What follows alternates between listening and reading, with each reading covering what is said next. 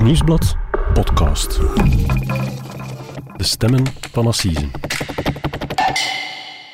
Hallo, ik ben Pieter Huibrechts, misdaadreporter bij Het Nieuwsblad. En ik ben Cedric Lagast, journalist bij diezelfde krant. En dit is onze podcast De Stemmen van Assise, waarbij we voor elk belangrijk proces in een zaak duiken en u meenemen achter de schermen van de rechtszaal. En dit keer blikken we terug op hoe een serieverkrachter Frankrijk 30 jaar lang in de ban hield. En hoe hij uiteindelijk door een Belgisch meisje ontmaskerd werd.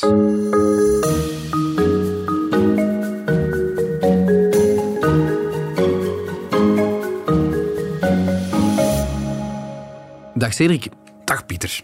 Cedric, welkom terug in onze podcaststudio hier op Linkeroever. Dankjewel. Voor onze 101ste aflevering gaan we niet naar de Belgische rechtszalen, Nee. uh, maar we gaan het bij onze zuiderburen zoeken. Meer bepaald in Frankrijk. Ja, klopt, helemaal. Nochtans zijn er in de Belgische rechtszalen ook zeer interessante zaken bezig. In Gent bijvoorbeeld loopt nog altijd het assiseproces over de dood van oud-burgemeester Ilse Uitersprot. Mm Onze collega Mark Liefman is dat intensief aan het volgen. Uiteraard, ja, absoluut. Je kan zijn verslag elke dag in de krant lezen, in de app en zo verder. En we hebben daar vorige week al een, een, een podcast over gemaakt. Alleen het, het vonnis daarover, het arrest daarover, dat wordt pas volgende week verwacht. Er wordt pas volgende week een uitspraak verwacht. En anderzijds, uiteraard, is het meest besproken vonnis van de afgelopen maanden dat over de reuzengommers. zijn. Ja, daar kunnen we niet omheen, denk ik. Het is, uh, we zijn intussen bijna twee weken na het arrest van het Hof van Beroep in Antwerpen. En het, Ja. stormt, het stormt buiten de rechtszaal. Uh, ja. Tot in het buitenland toe zelf. Ja, tot in het buitenland. Er zijn, uh, dit weekend zijn er protestmarsen in Rotterdam. Bijvoorbeeld, mensen zijn het niet eens met het arrest. Er is veel publieke verontwaardiging en ja, het beroert de gemoederen Ja. enorm. Nu, dat is een zaak waar al heel veel over gezegd is en heel veel over geschreven is, ook in deze podcaststudio. Hè. Je hebt meteen na de uitspraak al eh, een beetje je licht laten schijnen over het arrest in een aflevering van de Insider. Maar toch krijgen we nog van, van veel mensen de vraag uh, of we nog een vijfde aflevering over Sandadia gaan maken. We hebben een vierdelige, veelbeluisterde podcastreeks gemaakt over Sandadia en veel mensen vragen zich af, moet er nog een afsluitende vijfde aflevering komen? -hmm. Ik denk, Cedric, dat de vraag stellen ze beantwoorden is. Ik denk dat we het verplicht zijn om nog een podcast uh, special te maken over Sandadia. Meer bepaald, hè, het, het nog eens uitleggen wat er op het proces gebeurd is. En vooral de, het hele tumult na uh, het arrest in Antwerpen hè, tot over de landsgrenzen heen. Uh, we zijn daaraan bezig. Hè. We gaan met een podcast special komen ergens volgende week, denk ik. maar voor deze podcast gaan we dus even de landsgrenzen over. Ja, we gaan het deze week over iets anders hebben. Mm -hmm. Over een andere zaak die een tijd terug, een jaar geleden, heel veel teweeg heeft gebracht bij onze buren in Frankrijk en Wallonië. Het is de zaak van de serieverkrachter van de Samber. Zo werd de zaak in de kranten genoemd. En het is een zaak die daar uh, om tal van redenen heel veel commotie heeft veroorzaakt, Mhm. mm -hmm. maar die in Vlaanderen een klein beetje onder de radar is gebleven. We hebben er af en toe wel over bericht, maar toch, um, het is wat naar huis gespeeld door andere rechtszaken, zou ik durven zeggen. En onterecht vind ik, want uh, zonder een Belgische hoofdrolspeelster was dat Frans proces er nooit gekomen. Mm -hmm.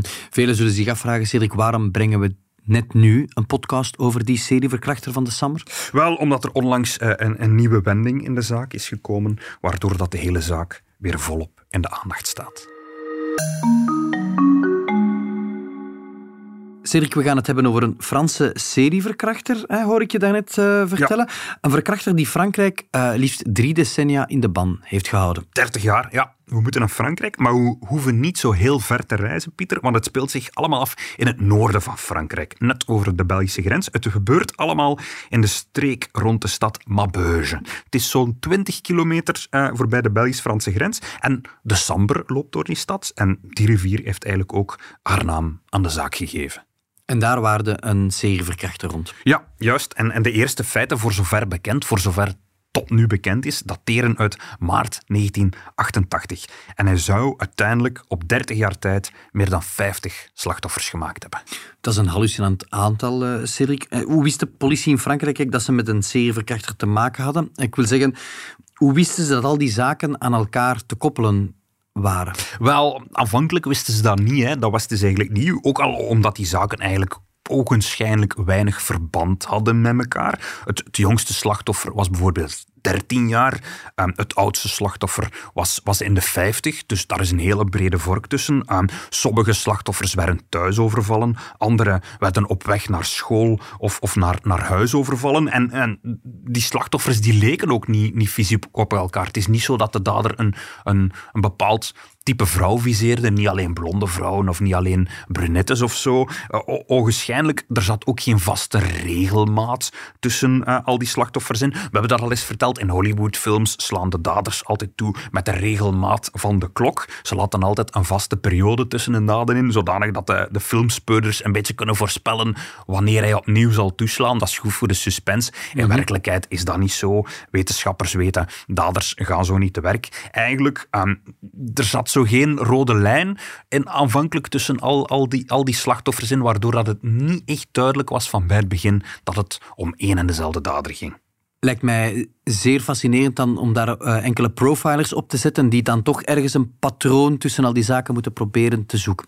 Ja, we zitten natuurlijk uh, in de jaren 80, de jaren 90 van de vorige eeuw. Profilers die hadden ze nog niet, denk ik. Maar toch zagen de speurders na verloop van tijd eigenlijk dat al die slachtoffers een man beschreven en dat, dat al die mannen eigenlijk heel hard op elkaar geleken dat dat één en dezelfde man moest zijn. Mhm. Belangrijke vraag, was hij gemaskerd? Ja, nee, eigenlijk niet. Hij was niet gemaskerd. Hij droeg wel vaak een muts. En hij viel zijn slachtoffers ook altijd langs achteren aan. Dus dat ze hem niet konden zien komen. En vervolgens blinddoekte hij aan. Dus hij nam wel zijn, zijn voorzorgen dat hij niet herkend kon worden. En daarna dreigde hij hen af met een mes. Of hij wurgde hen met een dun wit touwtje totdat ze bewusteloos waren. En dat touwtje dan nam hij achteraf ook altijd terug mee. En hij had ook altijd handschoenen aan om, om zo te verhinderen dat hij, dat hij sporen zou nalaten. En ook heel opvallend zagen ze, hij sloeg altijd in de wintermaanden toe. En dat gebeurde altijd s ochtends vroeg. Zo tussen 6 uur en 7 uur. Dat was het moment waarop dat hij toesloeg. Het moment waarop dat het nog donker was. En altijd ook op plaatsen die langs de Samber lagen. Ik heb ooit een kaartje gemaakt waarop al de zaken waarvan hij verdacht werd op een kaart werden gezet. En dat was eigenlijk één lange lijn. Je kon al die punten verbinden tot één lange lijn. En die lijn dat was eigenlijk gewoon de Samber. Dat was de Samber die van Frankrijk tot in België liep. Dat was het patroon. Eigenlijk. Ja, absoluut. En wat ook begon op te vallen, was dat hij eigenlijk altijd een boodschap had voor zijn slachtoffers. Namelijk, niet bewegen. Als je je niet verzet, uh, dan zal er niks gebeuren. En het was altijd een beetje een variatie op die zinnen, maar altijd was het uh, dat wat hij aan de slachtoffers te zeggen had. En als hij gedaan had, dan moesten de slachtoffers hun ogen sluiten en tot 50 tellen. En daardoor had hij eigenlijk de tijd om ongemerkt weg te glippen. En dus Franse speurders noteren al die verklaringen van die slachtoffers en beginnen een patroon te detecteren en de alarmbellen gaan af. Ja, langs de kant van de Franse grens wel. Want dat was het probleem. Vanaf midden jaren 90, zo rond het jaar 1996, wisten ze in Frankrijk wel dat er een serieverkrachter actief was. Dan was hij zogezegd al een jaar of acht bezig. Ja, voilà. Vanaf dan begonnen ze door te hebben. Hier is een serieverkrachter bezig. En ze hadden ondertussen ook zijn DNA.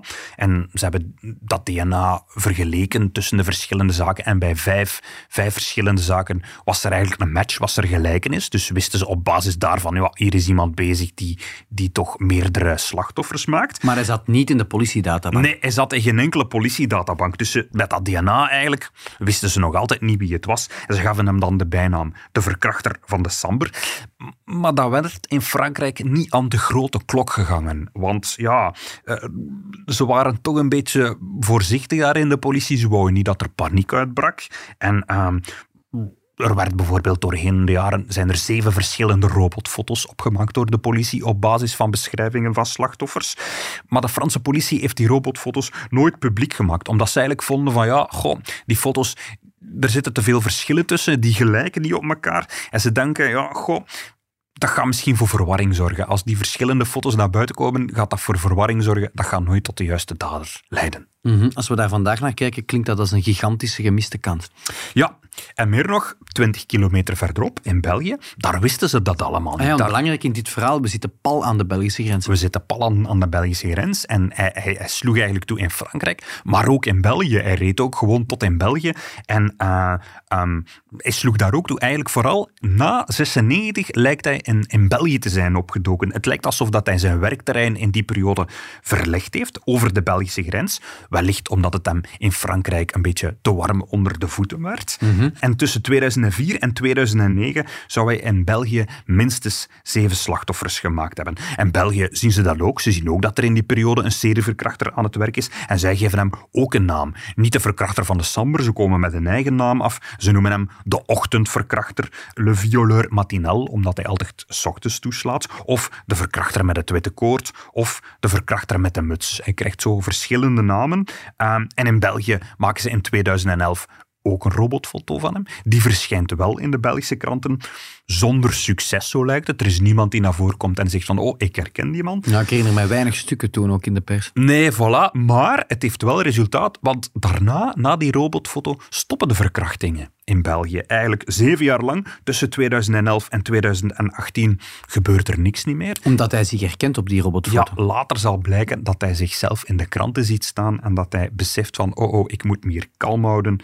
En toch is het uiteindelijk in België dat hij tegen de lamp zal lopen.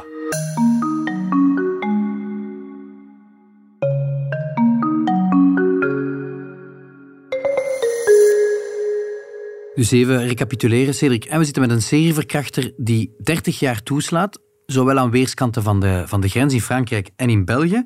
Uiteindelijk loopt hij tegen de lamp, maar dat is niet het gevolg van uh, keurig speurwerk. Ja en nee, de politie slacht er uiteindelijk wel in om hem via politietechnieken te ontmaskeren. Maar dat komt vooral door het alerte gedrag van een van zijn slachtoffers. En eigenlijk ook een beetje omdat de geroutineerde misdadiger, want zo mogen we hem wel noemen, na 30 jaar plots een steek laat vallen. Daar wil ik alles over weten. Wel, het, het gebeurt allemaal op 5 februari 2018, s ochtends heel vroeg. In, 30 jaar na zijn eerste feiten. Ja, absoluut. S ochtends heel vroeg in het Waalse dorpje Erkelin. Dat is een, een dorpje op de taalgrens. Ligt net in België. En daar is een, een 15-jarig meisje, een heel jong meisje, dat s ochtends naar school vertrekt. 7 uur s ochtends. Ze vertrekt thuis en ze wandelt eigenlijk naar het station, omdat ze daar de bus naar school moet nemen. Het is koud, het is donker. Ze heeft ook haar oortelefoontjes in, want ze luistert naar muziek via haar gsm. En daardoor eigenlijk merkt ze veel te laat op dat er iemand langs achteren op haar afkomt, dat iemand haar benadert, haar bij de haren trekt, haar meesleurt, haar bij de keel pakt en mee in de struiken trekt.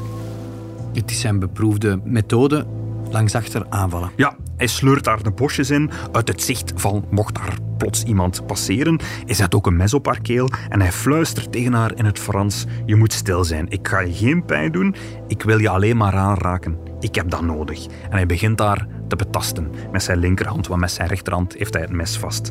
En dat meisje kan zich uiteindelijk toch losrukken, wat Mhm. de andere slachtoffers niet gelukt was. Ze kan zich losrukken, ze kan wegspurten en ze loopt naar de bushalte, waar op dat moment net de bus aankomt. Ze houdt de buschauffeur tegen, ze legt uit wat er gebeurd is en die kan alarm slaan, die kan de politie bellen.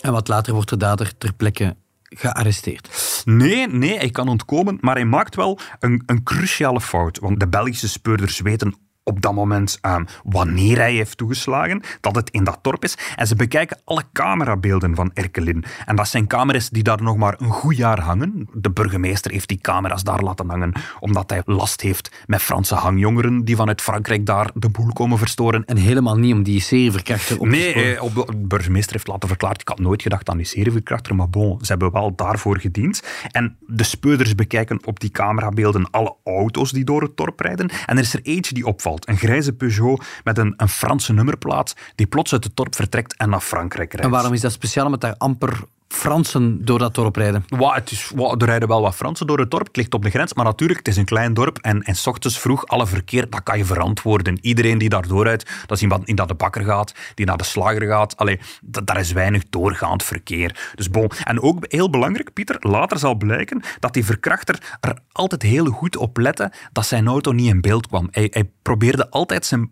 zijn auto zo te parkeren dat niemand die auto zou kunnen zien. Hij zal zelf later verklaren van kijk, als ik ergens naartoe ging en ik wou, ik had een vrouw op het oog en ik wou die aanranden, maar ik kon mijn auto niet veilig parkeren. Ik deed het niet. Ik rij weer weg. En nu had hij dat ook gedaan, alleen hij moet wel vertrekken met die auto. En hij rijdt met zijn auto door het dorp, langs die nagelnieuwe camera's. En zo komt hij voor het eerst in 30 jaar in toog van de speurders. En zo weten de speurders, het is een Franse nummerplaat, we moeten over de grens zoeken naar een onbekende serieverkrachter. Ja, of het de verkrachter is, weten ze op dat moment niet. Maar ze hebben op zijn minst een verdachte. Hè? Iemand van wie dat ze zich afvragen, wat doet die Fransman daar s ochtends vroeg in ons Belgisch dorp? Dus ze nemen contact op met de Franse politie. En ze komen een beetje toevallig uit bij een Franse speurder die op een paar maanden van zijn pensioen staat. Maar wel een speurder die heel, heel vertrouwd is met het Franse onderzoek naar de serieverkrachter. Die eigenlijk al heel zijn carrière op die zaak werkt. Dat is de frustratie van die man zijn professionele carrière. Ja, absoluut. Dat hij die niet kan vangen, daar, dat, dat zit hem hoog. En als hij die nummerplaat intikt, verschijnt er een naam op zijn computerscherm die bij hem een belletje doorinkelen. De naam op het scherm, dat is de naam van een Fransman die niet in de politiedatabanken zit. Ehm, goh, als een andere politieman die naam onder ogen had gekregen, het had hem misschien niet gezegd. Maar uitgerekend die ene Franse speurder, die ziet die naam en hij weet dat hij die man ooit ondervraagd heeft als verdachte in het onderzoek naar de verkrachter van de Samber. Dat is uiteindelijk niks geworden. Die man is, is, is, daar is nooit iets mee gedaan. Hij is nooit vervolgd geweest. Hij is een van de honderden mannen die ooit ondervraagd is. Maar die ene speurder die heeft die naam onthouden. En wat gebeurt er dan? Wel, op 26 februari, eh, dat is drie weken na de aanval in België, rijdt de Franse politie naar het huis van die verdachte in Pont-sur-Sambre. Hun belangrijkste vraag zou zijn, wat deed zij daar eigenlijk in België die ochtend? Dus voilà, ze komen toe, ze nemen hem mee. Ze doorzoeken ook zijn auto en daar, daar hebben ze al een eerste meevaller. Ze vinden een mes, een muts en een stukje wit touw. Belangrijk. Ehm, en, maar als ze die man meepakken, die slaat eigenlijk al een zucht van, van verlichting. Hij, hij zucht. Hij, mij gevonden. Hij reageert heel raar. En al na een paar dagen begint hij te bekennen. En hij zegt, ja, ik ben de verkrachter die jullie al jaren zoeken. En de Franse politie verdenkt de verkrachter van de Sambre op dat moment van 19 verkrachtingen. Maar hij zegt, oh nee, het waren er zeker 44.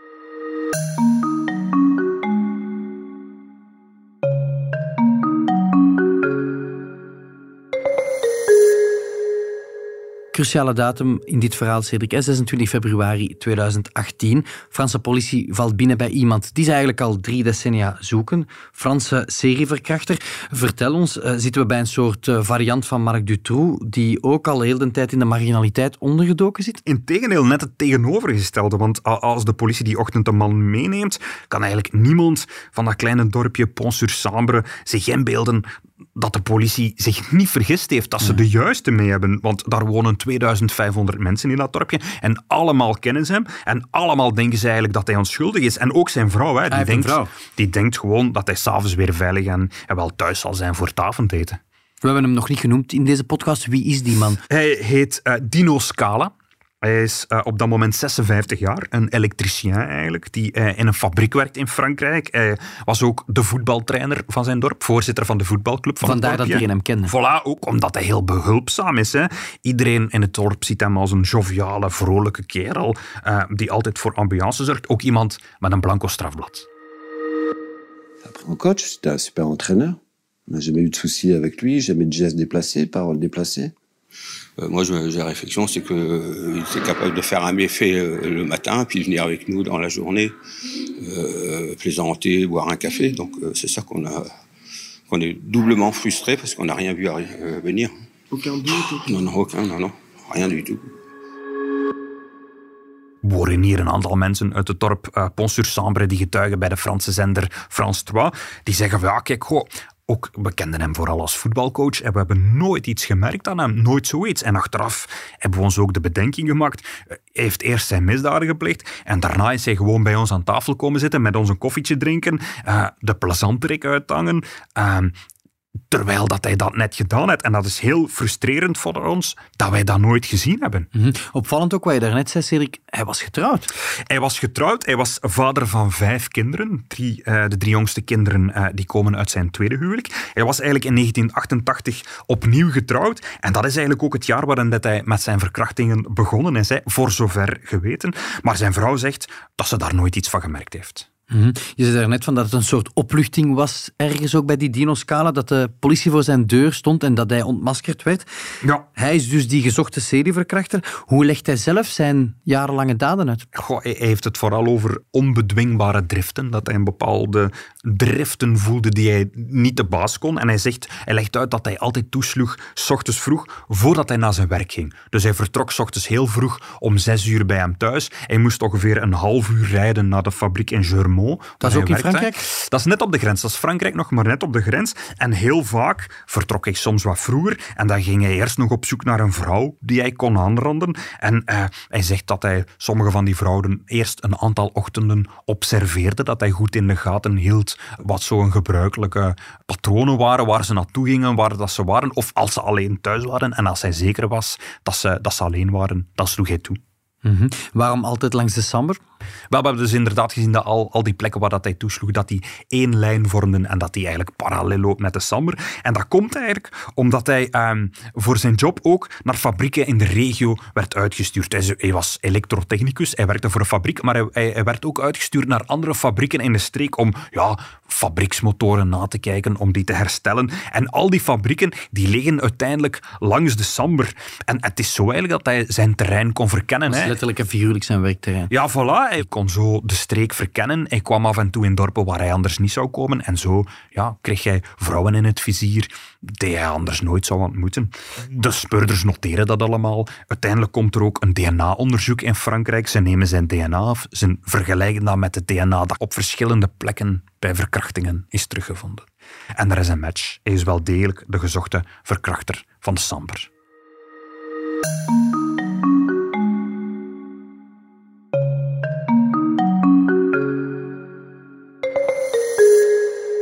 La suite du procès du violeur de la Sambre devant les assises du Nord, la Cour va entendre les victimes pour la première fois aujourd'hui. Cet après-midi, les victimes vont affronter leur bourreau. Pour certaines, cette confrontation avec Dino Scala est une nouvelle et terrible épreuve. Cedric, horen hier een fragment van uh, onze collega's van Europe 1. Ja. We hebben het in het begin van onze podcast ook al gezegd. Hè, Dino Scala is al voor de rechter verschenen in Frankrijk. Leg ja, eens uit. Klopt, hij is voor het Hof van Assisen in de stad Douai verschenen. Voor Le Cour d'Assise du Nord in Frankrijk. Uh, en dat was net dag op dag één jaar geleden, op 10 juni 2022. En hij stond toen terecht uh, voor 56 misdaden. waaronder 17 verkrachtingen, 12 pogingen tot verkrachting en 27 waaronder dus de misdaden tegen acht Belgische vrouwen. En je zou je kunnen afvragen, Pieter, assisen, verkrachtingen, ik dacht dat assisen voorbehouden werd voor moord. In of België, doodslag, ja. of doodslag. In België is het Hof van Assisen eh, door een wetswijziging voorbehouden. Alleen voor de zwaarste misdaden, voor, voor levensdelicten. In Frankrijk is dat niet. In Frankrijk vinden ze dit ook een, een zware misdaad. En die verschijnt in Frankrijk ook voor Assisen. Dat zijn er nog twaalf meer dan de 44 feiten die je daarnet aanhaalde. Ja, ze zijn uh, niet alleen uh, voortgegaan op zijn, uh, op zijn verklaringen natuurlijk. Hè. Ze hebben alle verkrachtingen uit die regio erbij gehaald. Ze kwamen voor dit proces op 56 dossiers.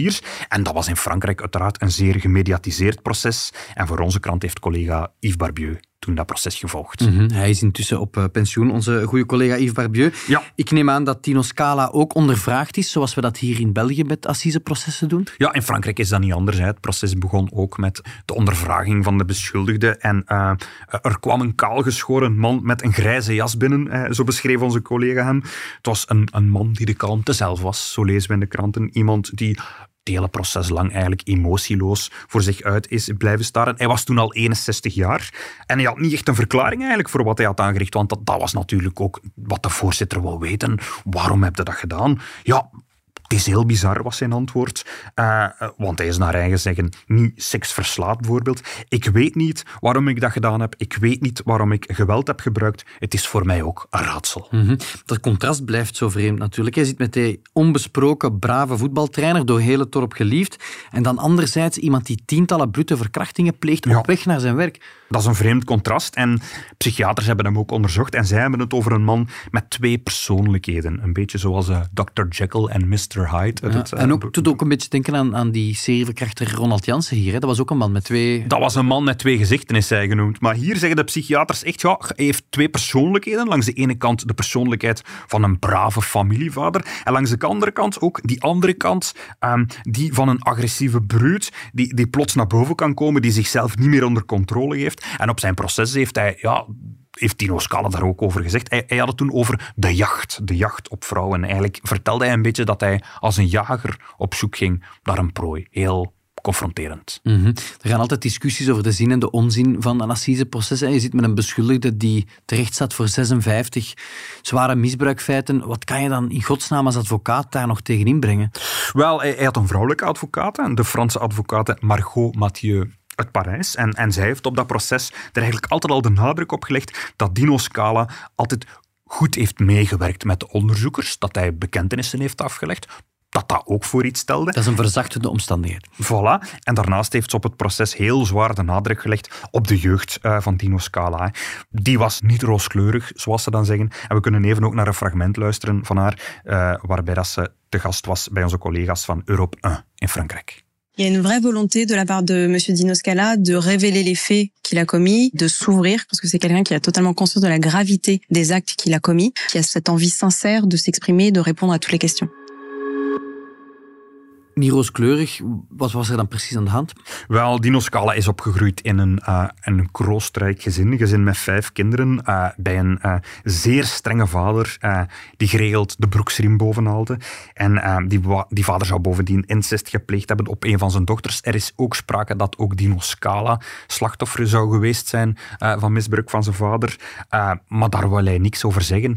En over de relatie met zijn moeder, het enige dat hij daarover wou zeggen was van mijn moeder, mijn moeder hield niet van mij. Mhm. Maar dus hij legt de kiem van zijn misdadig profiel en zijn traject bij zijn ouders en zijn erbarmelijke jeugd. Al dan niet Ja. gekruid met incest. Dat was een van de dingen die op het proces naar voren is gekomen. Dat hij zijn misdaden, zijn verkrachtingen vooral gepleegd zou hebben als wraak eh, uit, uit woede tegen vrouwen in het algemeen. Mhm. Ik wil nog even teruggaan naar dat tienermeisje die aangerand is door hem. En dat heeft geleid tot de ontmaskering eh, destijds. Op het proces was zij intussen meerderjarig, heb ik begrepen. Is Ja. zij komen getuigen? Ja, ze is komen getuigen. Eh, ze was een van de vele slachtoffers die, die daar eh, het, het woord hebben genomen. En eigenlijk, in de rechtszaal zijn er heel veel andere slachtoffers op haar toegestapt om haar te bedanken, omdat zij er mee voor gezorgd heeft eh, dat hij gepakt is, doordat zij zo alert was, onmiddellijk de politie heeft gewaarschuwd en doordat daardoor is eigenlijk de, de, het, het, het eerste domino-steentje gevallen. En Het is grootste misdaadmysterie daar in eh, Noord-Frankrijk opgelost. Voilà, maar zij zei dan, goh, ja, ik ben geen heldin. Dat was het enige wat ze daarop wou zeggen. Want ze, wou, allee, ze wou die eer niet opeisen, om het zo te zeggen. Ze was eigenlijk vooral in de zaal om hem in de ogen te kijken. En eh, het was een heel beklijvende getuigenis. Het was een heel beklijvende getuigenis, heb ik begrepen. Want ze heeft het na die aanval de afgelopen jaren heel moeilijk gehad. Ze heeft heel lang nachtmerries gehad, slapeloze nachten. Ehm, ze durfde ook niet meer alleen over straat naar wat er gebeurd was. Ze heeft ook zelfmoordgedachten gehad. Maar nu ging het beter met haar, zo heeft haar vader achteraf verteld. Eh, ook al een beetje dankzij de steun van een psycholoog. Uiteindelijk hebben zeven van de acht Belgische slachtoffers zijn ze allemaal komen getuigen in Frankrijk. Opmerkelijk, ook de vrouw van Dino Scala eigenlijk, zijn vrouw, is komen getuigen.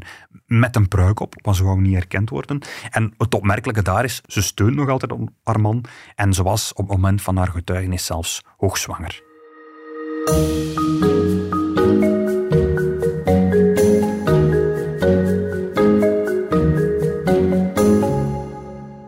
Finaal is dat assiseproces in Douai geëindigd. Cedric, wat was het resultaat? Wel, hij is eh, veroordeeld. Hij is schuldig bevonden aan 54 van de 56 zaken die hem te lasten werden gelegd. En heeft de maximumstraf gekregen. De maximumstraf in Frankrijk voor verkrachting, dat is 20 jaar cel. En eh, dat is ook wat hij gekregen heeft. Ja, dat verbaast natuurlijk niet zo hard gezien de, de, de gravitas en de, de hoeveelheid van de feiten. Ja. Hoe reageerde hij daarop? Wel, eh, we hebben daarnet al gezegd dat hij eigenlijk na zijn arrestatie een veertigtal zaken heeft, heeft toegegeven, bekend. Maar hij werd uiteindelijk vervolgd voor 56 eh, dossiers. En eigenlijk heel veel, vreemd genoeg, en een groot deel van die bijkomende dossiers, die blijft hij ontkennen. Hij zegt, nee, ik heb daar niks mee te maken. En bijvoorbeeld, ja, in een van die dossiers gaat het dan over iemand met een snor, dat ze is aangevallen door iemand met een snor. En hij zegt, oh, ik had in die periode geen snor, ik, ik kan dat niet zijn. Of oh, oh, heeft, er zijn ook vrouwen die s'avonds uh, aangerand zijn. En hij zegt dan, nee, ik sloeg alleen maar s ochtends toe.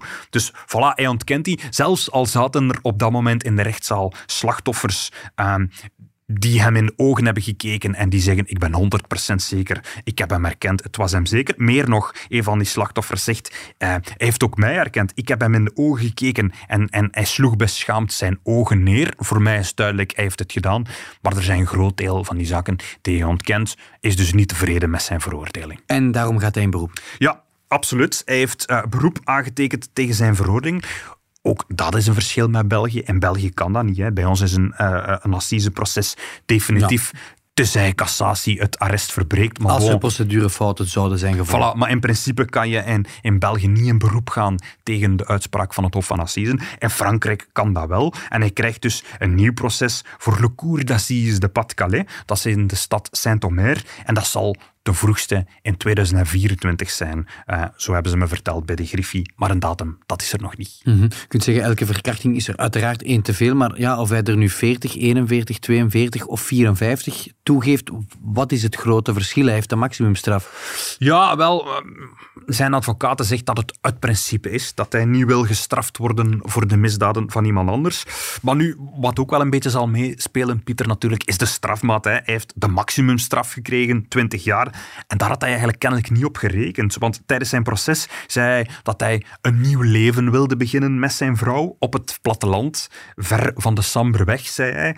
Hij beseft wel dat hij gestraft moet worden, maar tien jaar, dat was voor hem wel genoeg geweest. Nu, Cedric, je had het bij het begin van onze podcast over een nieuwe wending. Ja, wel, het, is eigenlijk altijd al duidelijk geweest dat Dino Scala niet minder, maar wel meer zaken op zijn kerfstok heeft. Meer dan de 40 zaken uh, Waar hij voor veroordeeld waarvoor hij veroordeeld is en die hij ook bekend. hij heeft dat zelf ook al aangegeven, hè, want hij heeft tijdens een van zijn verhoren ook al gezegd dat hij nog vrouwen heeft verkracht eh, die de politie hem niet heeft kunnen voorleggen. Maar wie dat, dat dan zijn, ja, zijn geheugen laat hem in de steek, zegt hij. Oh, ja, de exacte datum heeft dat niet opgeschreven. Ik kan er ook geen naam of geen gezicht op plekken. Hij zegt, al mijn slachtoffers, dat zijn eigenlijk schaduwen zonder gezicht voor mij. Ik kan mij eigenlijk geen enkele van mijn slachtoffers herinneren. Mm -hmm. Ik kan me inbeelden dat de Franse politie zo'n dossiers dan niet afsluiten en dat we verder blijven zoeken. Dat is inderdaad gebeurd en heel onlangs is uitgelekt dat het Franse gerecht hem nu van nog 14 ander dossiers verdenkt. Van verkrachtingen, van pogingen tot verkrachtingen en van aanrandingen. En het gaat allemaal om zaken opnieuw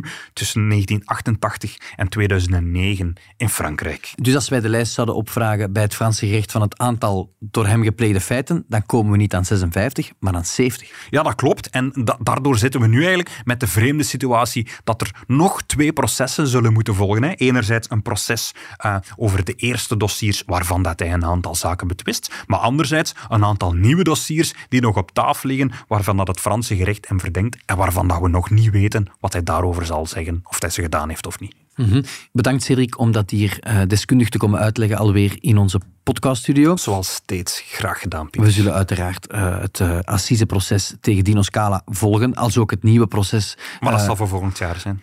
Dat zal voor volgend jaar zijn, inderdaad. En we uh, komen in een volgende Stemmen van Assise ook uiteraard uitgebreid terug op het assiseproces dat momenteel in Vlaanderen loopt. Met name de moord op Ilse Uiterspot. Ja, we zijn er volgende week opnieuw. Tot volgende week, Pieter. Bedankt. Dit was De Stemmen van Assisen, een podcast van het Nieuwsblad. De stemmen waren deze week van Pieter Huibrechts en van mezelf, Cedric Lagast. De montage gebeurde door Benjamin Hertogs van House of Media en de productie was in goede handen bij Joni Keimolen, Bert Heijvaart en Mirte de Kunst.